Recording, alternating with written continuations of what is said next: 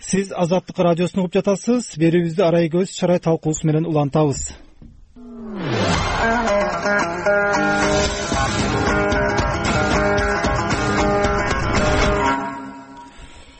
рахмат э, саламатсыздарбы урматтуу радио каармандар. Бүгүнкү биздин талкуубузга жогорку кеңештин вице спикери мирлан бакиеров жогорку кеңештин мурдагы төрагалары зайнидин курманов жана ишенбай кадырбеков катышмакчы. Ишенбай агай биз менен телефон аркылуу катышууга макулдук берди. Азыр байланышууга аракет кылабыз. Анда биз сөзүбүздү баштай берсек э, мирлан мырза мына шайлоо кодексине сунуштап жаткан төрт депутаттык топтун жана президент э, тарабынан дайындалган же болбосо уюштурулган жумушчу топтун сунуштарын тегерегинде парламенттин сыртында да ичинде да коомчулукта азыр кызуу талкуулар жүрүүдө улам мындай күчөп курч мүнөзгө айланып атканы билинип атат. Мына э, сиздер сунуштап жаткан мындай бир долбоордун негизги бир мындай жаңычылдыгы эмнеде? Чоң рахмат. Саламатсыздарбы урматтуу радио каармандар Э, бүгүнкү талкууланып жаткан мыйзам долбоорлору бүгүн эле чыга калган жок. Кээ бирлер айтып атат мына шайлоо жакындагында эле алып чыга калды деп. Бул мыйзамдар бир жарым жылдын тегерегинде конкреттүү биздин мыйзамга токтоло турган болсок. Э, аябай анализделип иликтенип чыккан мыйзам долбоору мунга себеп болгон ошол биз э, мына сыртка чыкканда ошол ирландиянын англиянын европа мамлекеттеринин мыйзамдарын алып карап чыгып шайлоо мыйзамдарын. Ошол эле акыркы өткөн армениядагы өткөн шайлоолордон. Эми кыргызстан э, мыйзамдарды өзгөртүү боюнча айрыкча шайлоо мыйзамдары боюнча алдын ат салдырбай келип атат. Ошондон улам. Анан коомдук пикир сөзсүз эң негизгиси коомдук пикир. Коомчулукта көпчүлүк учурда айтылып жаткан бул кайрадан баягы мажоритардык система менен бир мандаттуу шайлоо округуна келишибиз керек.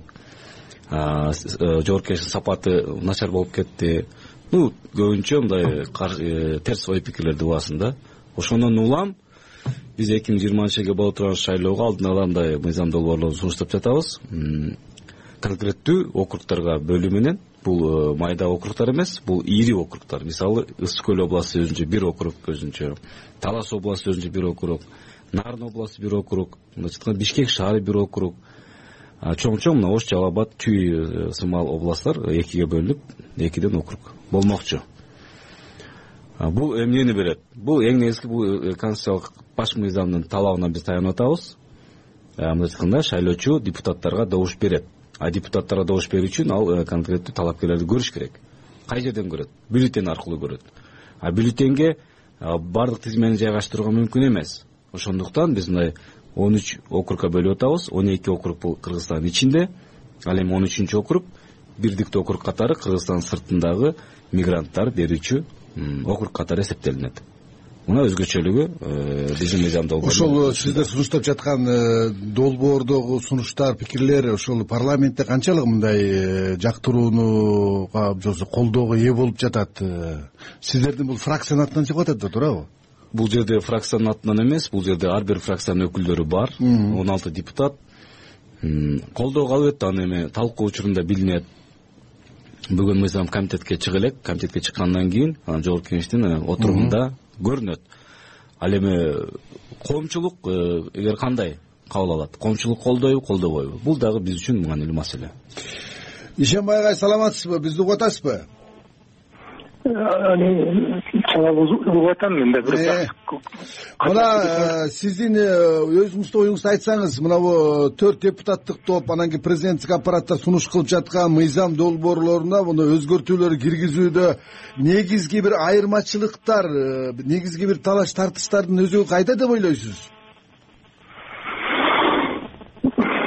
Айырмасы эң негизги бир нерседе мына төрт депутат бергенде эле бул шайлоонун процедурасы жагын көп карап атышат дагы. И негизги процедура жагынан эле өзгөртүүлөрдү оңдоолорду киргизгенде президенттин жумуш тобу жасалган сунуштар. Негизги эң коркунучтуу маселе бул кыргызстанда бул башкада тилекке каршы биз акыркы эки миң онунчу жылдан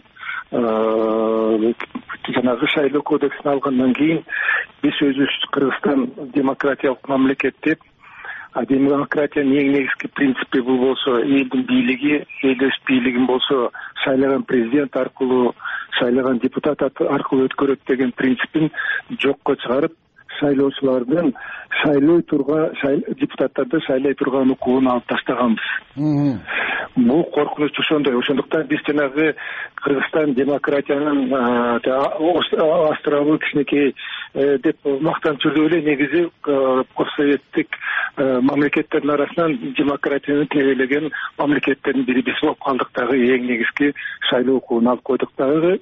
Элибизге шайлоочуларга добуш берган укугун берип койдук. Бул эмнени айтат эгерде башкы мыйзамда өзүнүн укугун шайлаган депутат аркылуу өткөрөт десе шайлаган депутат аркылуу конституциялык жанагы шайлоо мыйзамында болсо партияларды шайлайт деп жазылып калган. Ошентип кыргызстан он жылдан бери депутаттарды шайлабайт партияларды шайлап калган. Партияларды.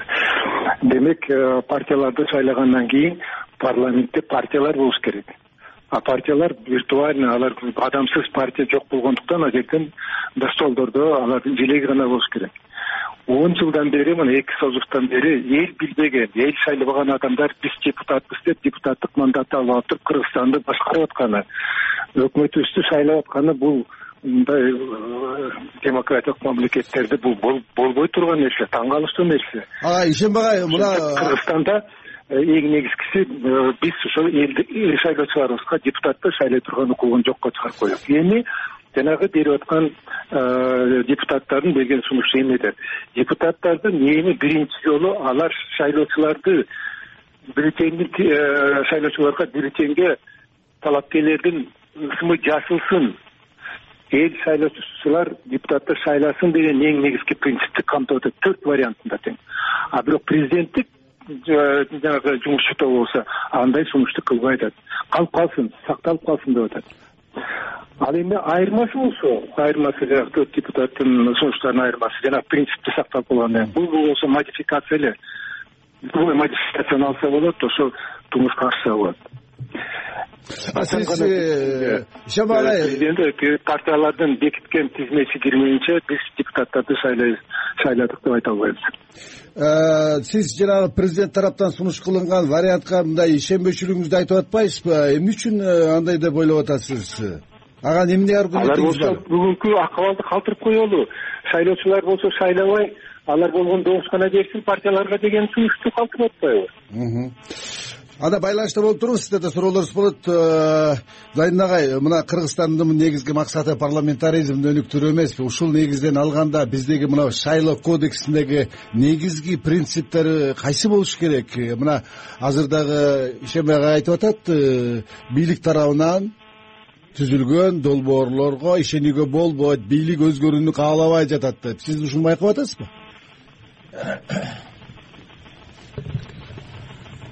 айтмакмын мына кулаган совет өкмөтү совет бийлиги парламенттик система негизинде жашап жаткан.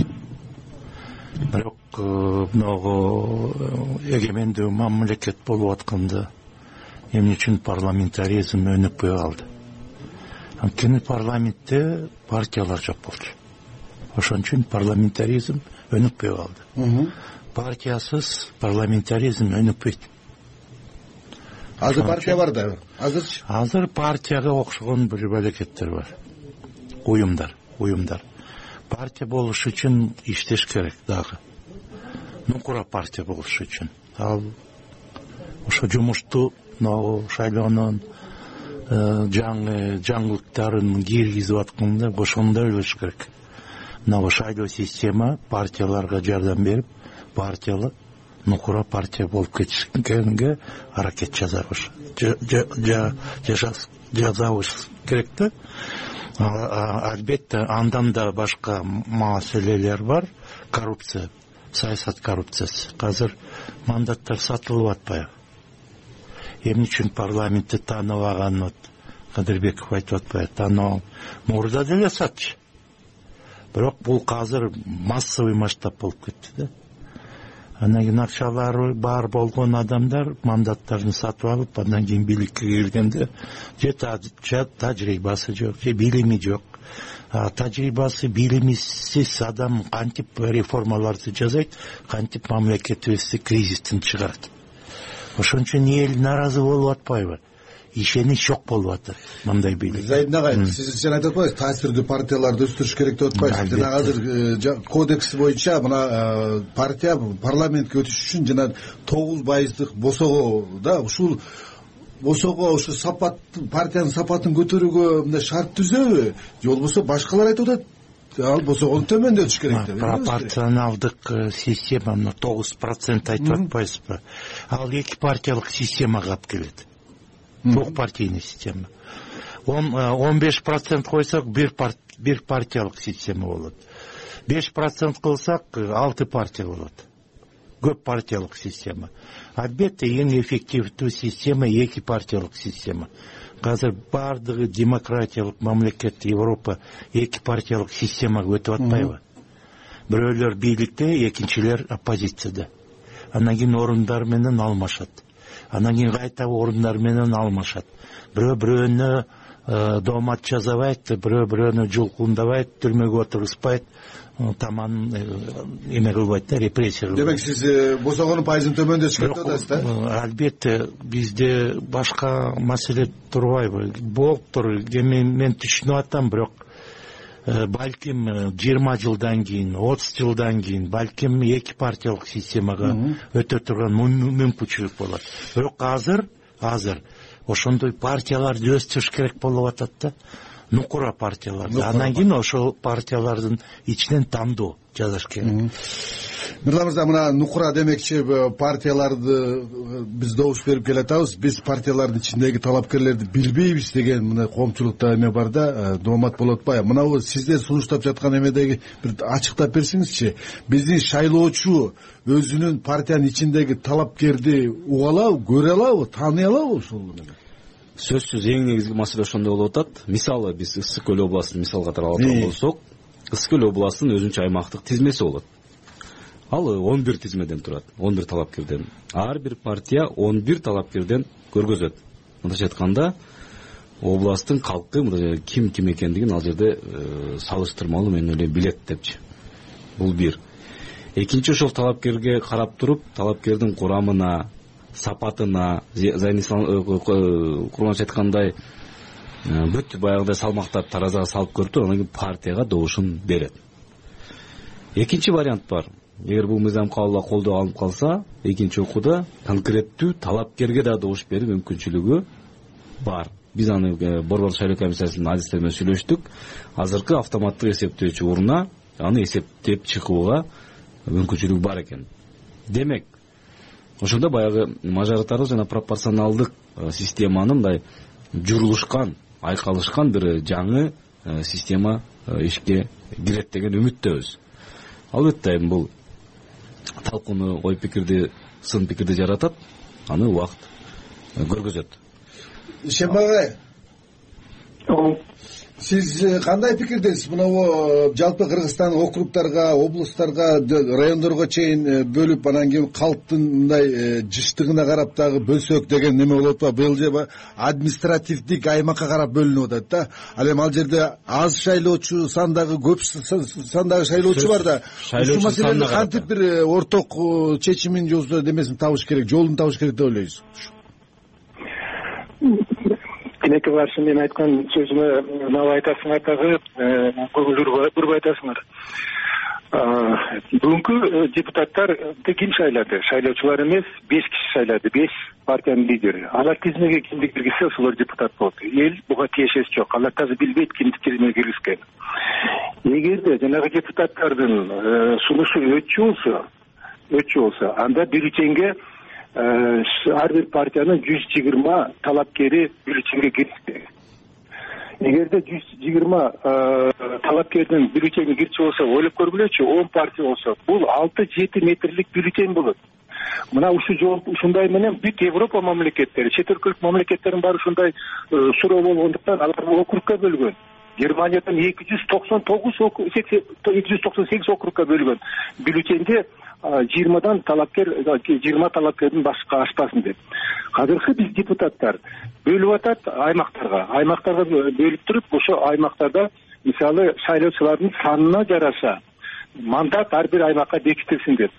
Ош областында шайлоочулар көп болгондуктан аларга э, санынан эсептеп көргөндө жыйырма төрт мандат керет экен ошол эле кезде таласта шайлоочулар аз болгондо ал жерге алты мандат керет экен. Мына ушундай принцип менен эгерде бюллетень э, жанагындай ошо депутаттардыкы алынып калчу болсо эл э, таласта болсо алты талапкерди көрсөтөт ошо партия. Мына бул мен айтып атпаймынбы бул процедурный жагы. Анысы келгенсиз жанагы депутаттардын дагы масалиев менен жанар акаев сунуш кылып атышат келгенсип шайлоочулар өзүлөрү преференциалдык э, добушун берип туруп ошо очередтерди партиянын лидерлери эмес эл өзү добуш берип туруп кимиси биринчи очередте болуш керек кимиси экинчи очередте болсун рейтингке жараша болсун деп сунуш кылып атат. Ошентип биз негизи негизинде элге шайлой турган укугун жаратабыз деп жана төрт депутат сунуш кылып атат. Ошо төрт депутаттын сунушуна азыр каршы ким чыгып атат? Көпчүлүк көпчүлүк каршы ким чыгып атат? Бул бийликте тургандагылар. Э, партиянын лидерлери фракциянын лидерлери каршы чыгып атат өтпөсүн деп чын э, бул чоң э, бизнес проект болуп калды да ойлоп көргүлөчү жети жүз сексен сегиз миллион сом официалдуу түрдө борбордук шайлоо комиссиясынан шайлоого катышкан депутат партиялар э, короткон экен. Бир мандаттын баасы алты миллион сом болгон экен. Демек мандат бүгүн товар болуп калды. Партиянын лидерлери товарды сата баштады. Бүгүн мандат депутат болом дегендер мандатты сатып алыптыр. Ким канча акча бергенине жараша ал биринчи орунда же экинчи орунда болуп калды. Шайлоочулар сыртта калып калды төрт киши эми тогуз пайыз эгерде болуп калса жанагындай тогуз пайыз болуп калса эки үч киши гана чечип калат. Ким депутат болуш керек? Кыргызстандын эли калып калды. Кептин баары ошодо мына э, жанагы тогуз пайыз болгондо кептин баары эмне? Парламент өкүлчүлүк бийлик. Демек ар бир кыргызстандагы жаранын өкүлү парламентте отуруш керек. А эгерде тогуз пайыз болгондо отуз пайыздын тегерегинде шайлоочулардын өкүлдөрү гана келе алат парламентке. Жетимиш пайыз элдердин шайлаган добуштары жокко чыгарылат. Эстеп көргүлөчү адак мадумаровдун партиясы жүз элүү миңдей шайлоочулар добуш бергени жокко чыгып калды. Мына ошо принциптен кетиш үчүн чет өлкөлөрдө эң көп дегени беш пайызда.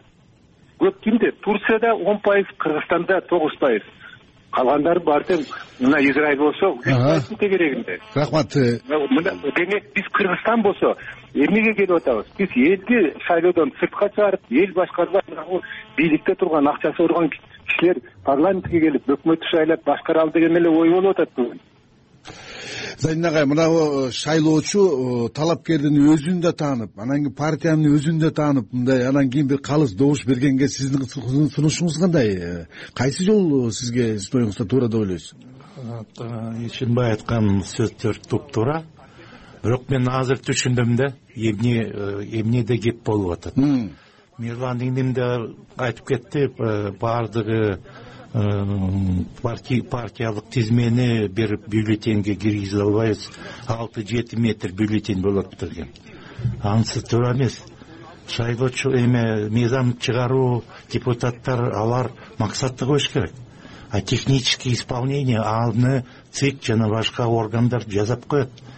Бирөө бирөөнү э, аралаштырбаш керек да. Оңой эле жаза алат оңой эле жаза алат ар бир партия өзүнчө бир бюллетень болот. Ошол бюллетендин ичинде киргизип коет ошо фамилияларды.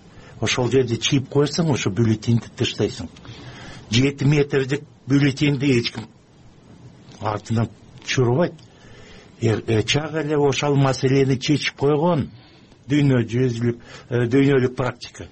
Ошон үчүн ошону караш керек көп болсо жыйырма төрт партия мен санап көрдүм ар бир шайлоодо жыйырма төрт партия э, биз катышабыз дейт экен.